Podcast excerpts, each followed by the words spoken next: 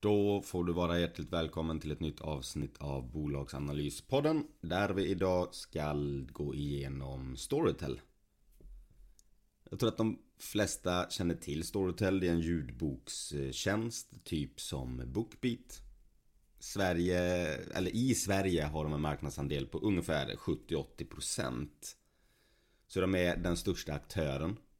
Affären är helt enkelt att de har ljudböcker Edböcker och vill även minnas att de har en egen läsplatta. Den satsningen har det väl gått si och så med och jag tror inte det är någonting man ska eh, räkna med blir något eh, stort intäktsbringande. Sen har de det andra stora benet. Det är förlagsgrupperna. Fysiska böcker. Norstedts förlag tror jag de flesta känner igen. De har eh, Lind Company äger de det företaget. People's Press, Gummerus, andra tjänster, streamingtjänster i andra länder har de Mofibo, det är Danmark. Jag trodde faktiskt det hade omvänts till Storytel, men de kanske kör under Mofibo fortfarande. Och sen förvärvade de även audiobooks.com i USA.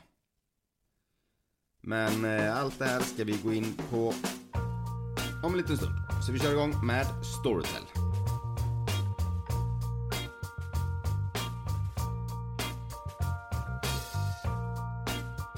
Storytel var en riktig pandemivinnare. Kursen gick väl upp och nosade runt 300 kronor strecket.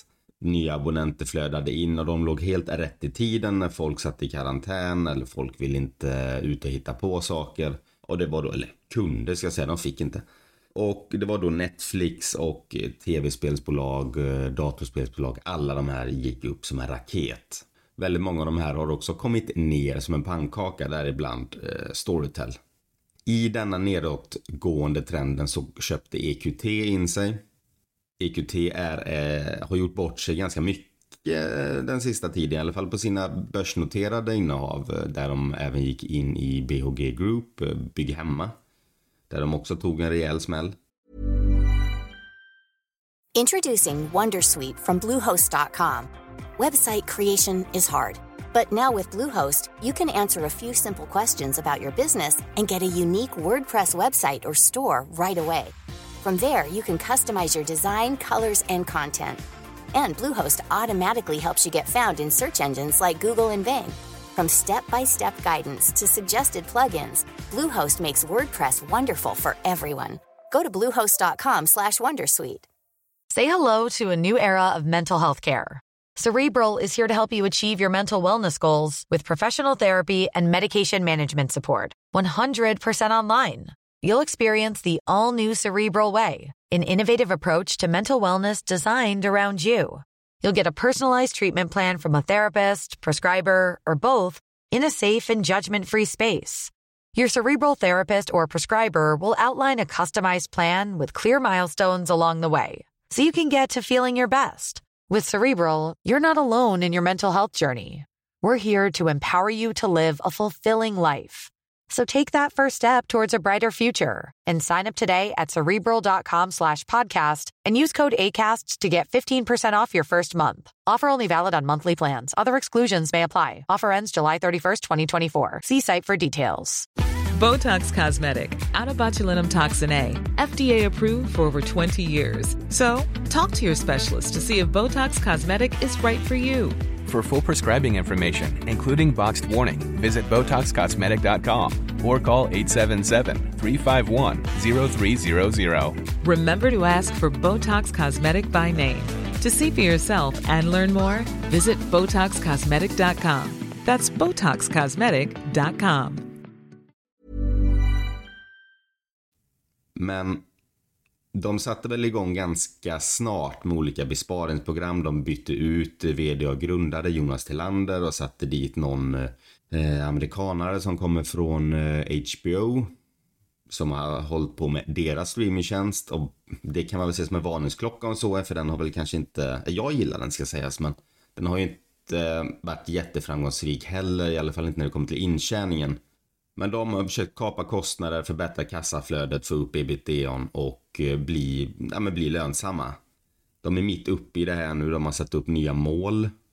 I kapitalmarknadsdagen sa de att de vill till 2026 nå över eh, 5 miljarder i omsättning, ha en 15-procentig kagger på streamingintäkterna, ha en ebitda-marginal på över 12 procent och ha ett starkt kassaflöde. Varken eller skulle jag vilja säga, de kan mycket väl slå det här men det är inte lätta siffror. Det finns konkurrens på marknaden, framförallt i USA. Men eh, i Norden har de en ganska stark position. Där är det väl primärt tre spelare. Du har Bookbeat, Storytel och Nextory. Nextory har jag personligen aldrig riktigt trott på för att de har inga egna rättigheter överhuvudtaget utan de tar från alla bokförlag. Och eh, Storytel nöp ju deras tillgång för ett tag sedan för att de ville ha mer ersättning. Skulle exempelvis Bookbeat göra likadant då det finns ingen anledning att ha Nextory. Så kunderna flyr därifrån för att de vill ha de bra titlarna och de finns inte där. Så den riktiga matchen skulle jag vilja säga pågår mellan Bookbeat som är eh, Bonnierägt och sen så har du Storytel där Nordstedts är flaggskeppet, i alla fall här i Sverige. De har lite olika företag. Eh, eller förlag ska jag säga. De hade, som jag nämnde innan, People's Press, Gummerus, Lind Company, ljudboksföretag som eh, Storyside och eh, ganska många mindre små. Det är ett helt spektrum egna rättigheter. Sen har man även börjat satsa på Storytel Originals. Det här kom upp i samband med att Netflix drog igång det här med egna. Netflix hade också Netflix Original och då körde Storytel efter. Satsat en hel del på det här med blandat resultat de behöver ju inte dela intäkterna på samma sätt där och andra förlag så att det är en lönsamt är det ju. Det är väl inte, hur ska man säga, vissa har blivit en hit men det är också ganska, det är ganska lättsmälta grejer. För om åren då var det kanske tio avsnitt de släppte och så var det en timme per avsnitt och så var det anpassat för ljud. De skrev på ett annat sätt. Det var lite mer talspråk än skriftspråk etc. Nu har de försökt mixat upp det här lite grann hur de publicerar sina böcker. Men det är en intressant grej och ehm, det är ju en del i deras sätt att förbättra deras lönsamhet. Affären som sig är eh, förlagsverksamheten har ju ett väldigt starkt kvartal i Q4. Folk är inne och läser, det är julhandel och då är ljudboksmarknaden lite svagare. Ljudboksmarknaden, i alla fall intäktsmässigt eller kundtillströmningen kommer framförallt på sommarmånaderna. Folk är lediga, folk ligger i hängmattan och då tecknar man upp sig på ett abonnemang och så passar man på att lyssna. Intäkterna går till som följer att eh, du tecknar upp dig på ett abonnemang. Nu ser jag att de har olika erbjudanden så nu blir det ju att jag gör reklam för dem, det är inte tanken. Men eh, då har de ett som heter Basic som ordinarie pris kostar 129 kronor per månad. Det kostar nu 65 kronor per månad. Nej, jag kan inte dra deras jävla erbjudande. Jag drar originalpriserna. Basic är 129 kronor per månad. Då har du ett konto du får lyssna 20 timmar varje månad och du kan avsluta när du vill. Premium är 169 kronor i månaden. Ett konto, men du får lyssna på 100 timmar och avsluta när du vill. Unlimited 229 kronor i månaden. Ett konto, lyssna obegränsat, avsluta när du vill. Och Family 228 kronor per månad, 2 till 6 konton, 100 timmar per månad för varje konto och avsluta när du vill. Jag har haft Storytel i många år. Jag trivs bra med den tjänsten. Ehm, jag har faktiskt Family. Det funkar för mig, eller har jag inte alls Jag kommer inte ihåg. Ett tag kunde faktiskt barnen få lyssna samtidigt som du lyssnade. Eller att du kunde använda på två olika konton. Ehm, jag vet inte om de har skärpt till det där, det sista, men Ungarna lyssnar mycket på ehm, olika ljudböcker när det är läggdags också och sådär. Så att eh, jag tycker tjänsten är kanon. Jag själv lyssnar på böcker när det kommer upp intressanta också. Men jag är ju inte den kunden som lyssnar 40-50 timmar i, i månaden. I alla fall inte bara jag. Det är i så fall om det är någon barnbok också då. När de ska lägga sig. Så att du har någon breaking point att lyssnar du ett visst antal timmar varje månad. Då kostar du som kund. Och om jag ska göra en väldigt hobbyanalys så verkar ju den eh, gränsen verkar gå vid 20 timmar per månad, 20-30 timmar per månad. Annars hade de inte lagt den nivån där för basic. Så att när du uppnår över de här timmarna, då blir du helt plötsligt, mm, ja, du kostar lite mer än vad du smakar för Storytel. Deras kostnader, dels har du löner, lokaler, utveckling, eh, allt det här. Men den stora kostnaden är ju givetvis eh, dela med sig av intäkterna till författarna. Ett tag så vill jag minnas de hade att författaren fick, eh, vi säger 20 kronor per bok. det blev inte rättvist för hade du en bok som var 20 timmar lång och en som var 2 timmar lång så kunde inte de få samma betalt. Så att då började de med revenue share. Och jag har läst lite olika siffror men vad jag har landat i och vad jag tror stämmer hyfsat så betalar Storytel ungefär 2,15 kronor i timmen via revenue share. Det här är siffror jag har eh, läst på bland annat eh, boktugg.se. Det är en ganska bra sida eh, för att följa bokbranschen och framförallt streamingmarknaden också. De är duktiga och de har ganska nyttig information. Så dubbelkolla gärna den siffran om ni... Jag är inte helt hundra på det, men det är den jag läste. Den, den verkar ganska rimlig. Och då innebär det helt enkelt att lyssnar du på en bok som är 10 timmar lång, då går ungefär 22 spänn till författaren. Nyckeln är således att man vill ha så många prenumeranter som möjligt och de flesta av de här prenumeranterna vill man inte ska lyssna på tjänsten. Givetvis, för då tjänar de mer pengar. En bra realistisk kund kanske då lyssnar 15 till 20 timmar i månaden. Då tjänar de bra med pengar på den samtidigt som de får en lyssning på en bok och kan då sälja. Kolla vad många lyssningar vi har bara på våran plattform så får ni de här lyssningarna. Men de är inte lönsamma idag. Vi kan gå in på nyckeltalen och eh, där är det i dagsläget handlas de till 33,6 kronor per aktie. De har ett börsvärde på 2 miljarder 600 miljoner, ett Enterprise Value 2 miljarder 50 miljoner. Ingen direktavkastning, ingen utdelning, ingen vinst. Man kan väl bara säga att sådana här bolag inte värderas jättebra på börsen i rådande klimat. Jag har gått igenom dotterbolag, deras RevShare-modell, ungefär vad de ger till författare per timme, deras olika abonnemang. Ja, men jag tycker vi har gått igenom affären rätt bra. Så vi hoppar in i rapporten och kollar lite siffror. I Q1 2023 så hade de en omsättning på 742 miljoner, bruttomarginal på ungefär 43 procent, 2 miljoner 41 000 abonnenter och en eh, ARPU, average revenue per user, var 121 kronor i månaden och bruttoresultat på 317 miljoner kronor.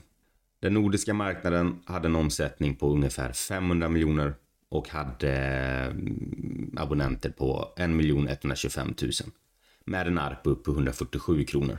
Icke-nordiska marknaderna hade en omsättning på 245 miljoner, 916 000 abonnenter och en ARPU på 89 kronor. Böckerna, alltså fysiska böcker, hade en omsättning på 130 miljoner. Bruttomarginal på 52,5 procent bruttovinst på 68 miljoner kronor. Totalt hela gruppen hade en omsättning på ungefär 800 miljoner med en bruttovinst på 315 miljoner kronor. Streamingen växte 6,2% year on year. Där Norden står för den största tillväxten medan de fysiska böckerna sjönk med 13%. Kollar vi på hela förlaget återigen, eller hela företaget, så hade de ungefär en omsättning på 800 miljoner kronor med ett bruttoresultat på 315 miljoner. De har 205 miljoner kronor i eh, försäljningskostnader, administrativa kostnader 100 miljoner och eh, utveckling 70 miljoner kronor. Kostnaderna är alltså höga. Försäljningskostnaderna har de dratt ner på. De var 300 miljoner förra året. Där nu pratar jag kvartalsvis ska sägas. Nu var de 200 miljoner detta kvartalet. Så man ser att deras besparingsprogram funkar. Och eh, jag vet faktiskt inte om jag ska vara helt ärlig vad det är som kostar så fruktansvärt mycket pengar. Om deras tillväxt är eh, hade varit väldigt svag om de inte hela tiden pushade ut olika kampanjer eller om det är ja, jag vet faktiskt inte. Det är mycket pengar i alla fall så det borde finnas ganska mycket att fortsätta spara. De förlorade i alla fall ungefär 62 miljoner kronor i Q1 och 380 miljoner hela året 2022. Kassaflödet försämrades med 240 miljoner, vilket innebär att de har en kassa i dagsläget på 540 miljoner kronor. De säger att den här kassan ska räcka till att nå lönsamhet och det tror jag när jag ser det. Jag tyckte detta företag var mycket enklare än innan de började gå in i USA. Det var en ganska, alltså den marknaden är väldigt, väldigt stor men den är också väldigt kostsam och de gjorde ett stort förvärv på rätt höga multiplar. De köpte detta för 135 miljoner dollar till en värdering på 3,5 gånger intäkterna. Det är ju inga värderingar man ser i, dagsläget utan de hade lite otur med det här förvärvet. Men å andra sidan, nu är de i USA, nu får de göra det bästa de kan åt det. Deras churn är nere på 6%. Churn är ett mått på hur många kunder de förlorar. Eh, om man kan uttrycka sig så. Man kan också säga att om de får in 100 stycken nya abonnenter under ett år och 6 stycken säger upp sitt avtal så har de alltså en churn på 6%. Den har varit högre, de arbetar ner den successivt. Ryan Reynolds här från Mint Mobile. Med priset på nästan allt som går upp under inflationen trodde vi att vi skulle bring priser prices down. So to help us, we brought in a reverse auctioneer, which is apparently a thing.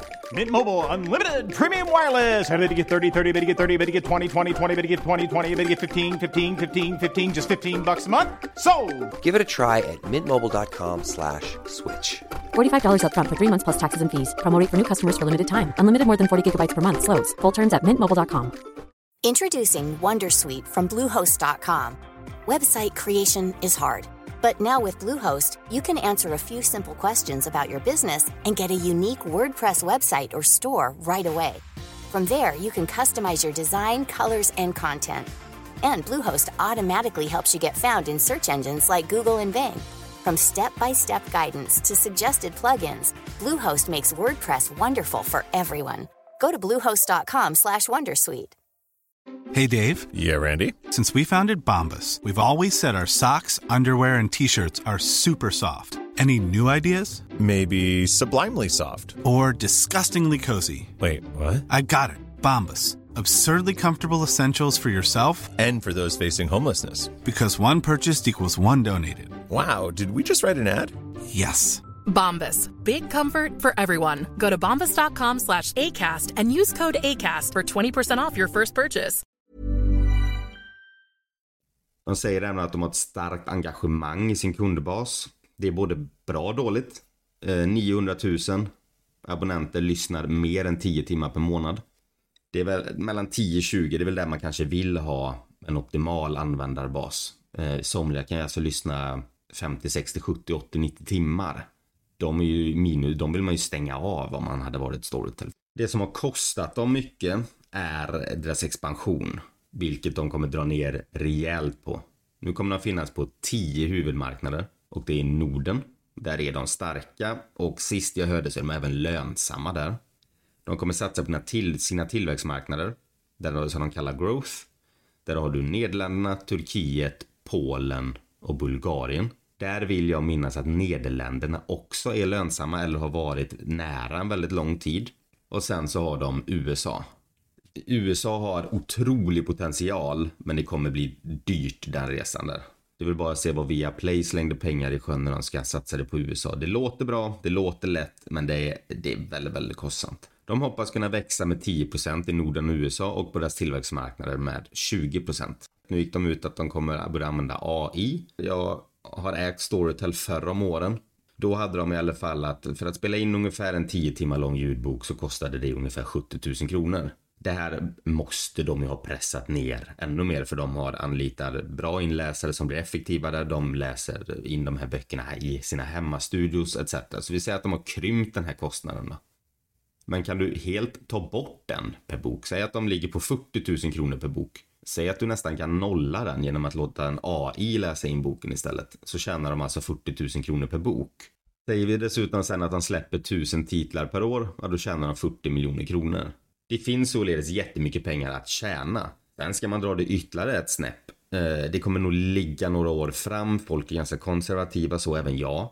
Men man kan ju göra AI-böcker. Du kan ju alltså låta en AI skriva en bok.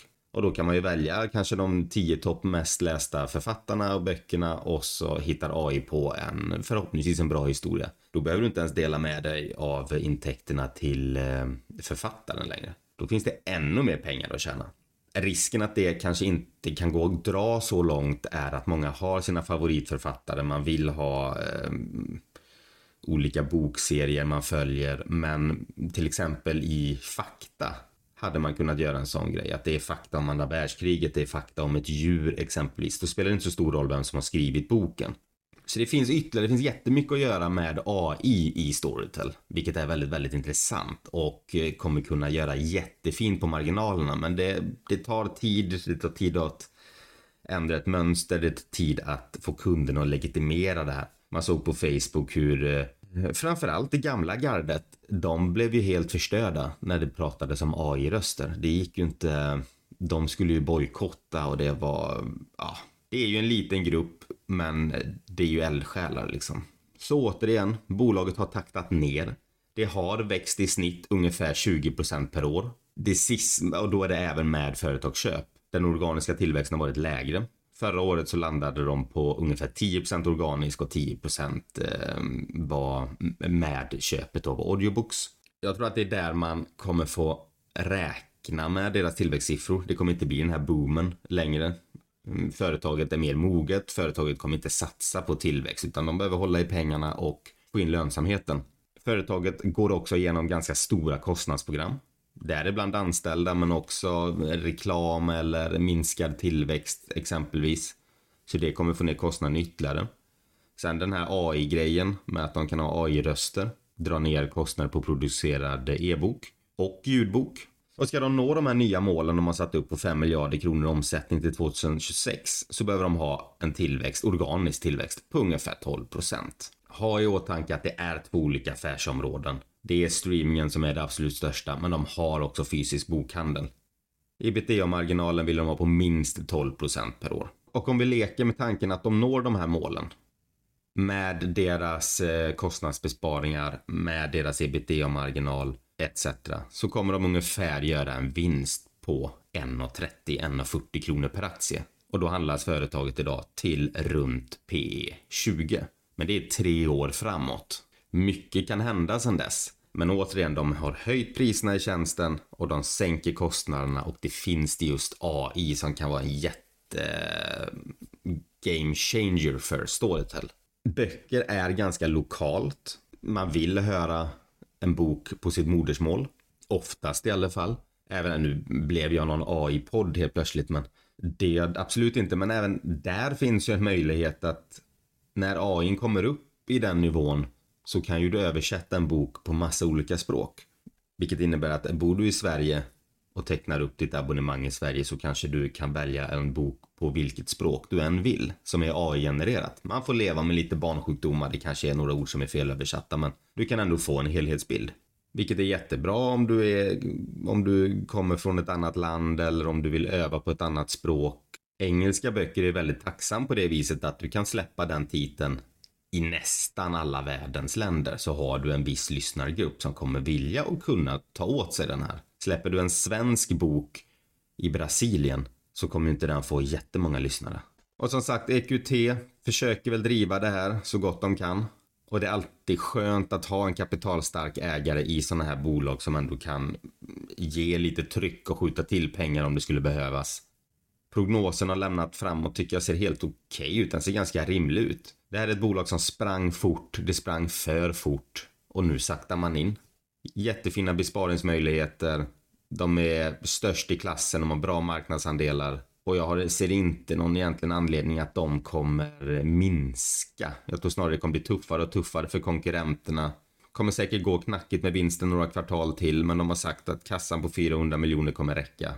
Ta det med en nypa salt för det kan ändras och även om det räcker så kanske man ändå vill ha en krigskassa ifall någonting skulle ske. Men slår prognosen in så eh, kan de nog börja tjäna pengar inom ett år eller två här. Och då kan den se lite aptitlig ut.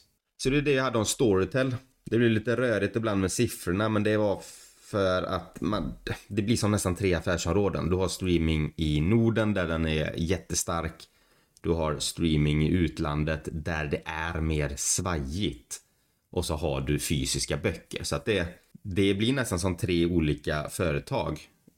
För de, alla de här behöver bedrivas på olika sätt. Arpun på utlandet är mycket lägre än vad den är i Sverige, för här, eller i Norden, för här uppe är vi mer kapitalstarka. Du kan inte sätta ett abonnemang på 200 kronor i Polen exempelvis, eller Bulgarien, utan där får du sätta lägre och börja beta upp från lägre nivåer. Så småningom kommer den här siffran att höjas, men det kommer ta tid. I Norden vet jag inte hur mycket de vågar pusha de här priserna. Nu höjde de ju som sagt i höstas här vill jag minnas och eh, då borde den avstanna ett tag.